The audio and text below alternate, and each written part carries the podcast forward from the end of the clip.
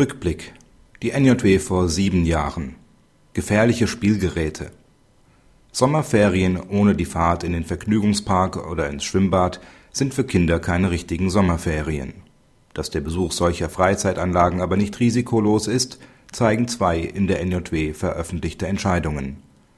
In der NJW von vor sieben Jahren bekam es das OLG Celle (NJW 2003, Seite 2544) mit einer jungen Dame zu tun, die im Freizeitpark in ein Hamsterlaufrad stürzte und dabei eine Fraktur des linken Sprunggelenkes erlitt. Das Gericht lehnte einen Schmerzensgeldanspruch gegen den Betreiber des Freizeitparks aufgrund einer Verletzung der Verkehrssicherungspflicht ab. Nach Auffassung der Richter war die Behauptung der Klägerin, die Trommel habe sich wegen eines Konstruktionsfehlers zu schnell gedreht, nicht substanziiert genug. Ein Unfall bei der Benutzung einer Wasserrutsche im Schwimmbad ist bereits ein echter Dauerbrenner in der Judikatur. Vergleiche dazu BGH, NJW 2006, Seite 3268 und NJW 2004, Seite 1449.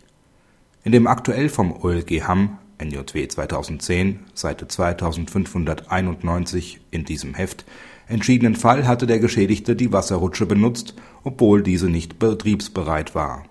Diesbezüglich fehlte es aber an einem eindeutigen Hinweis, so das Gericht in seiner Begründung.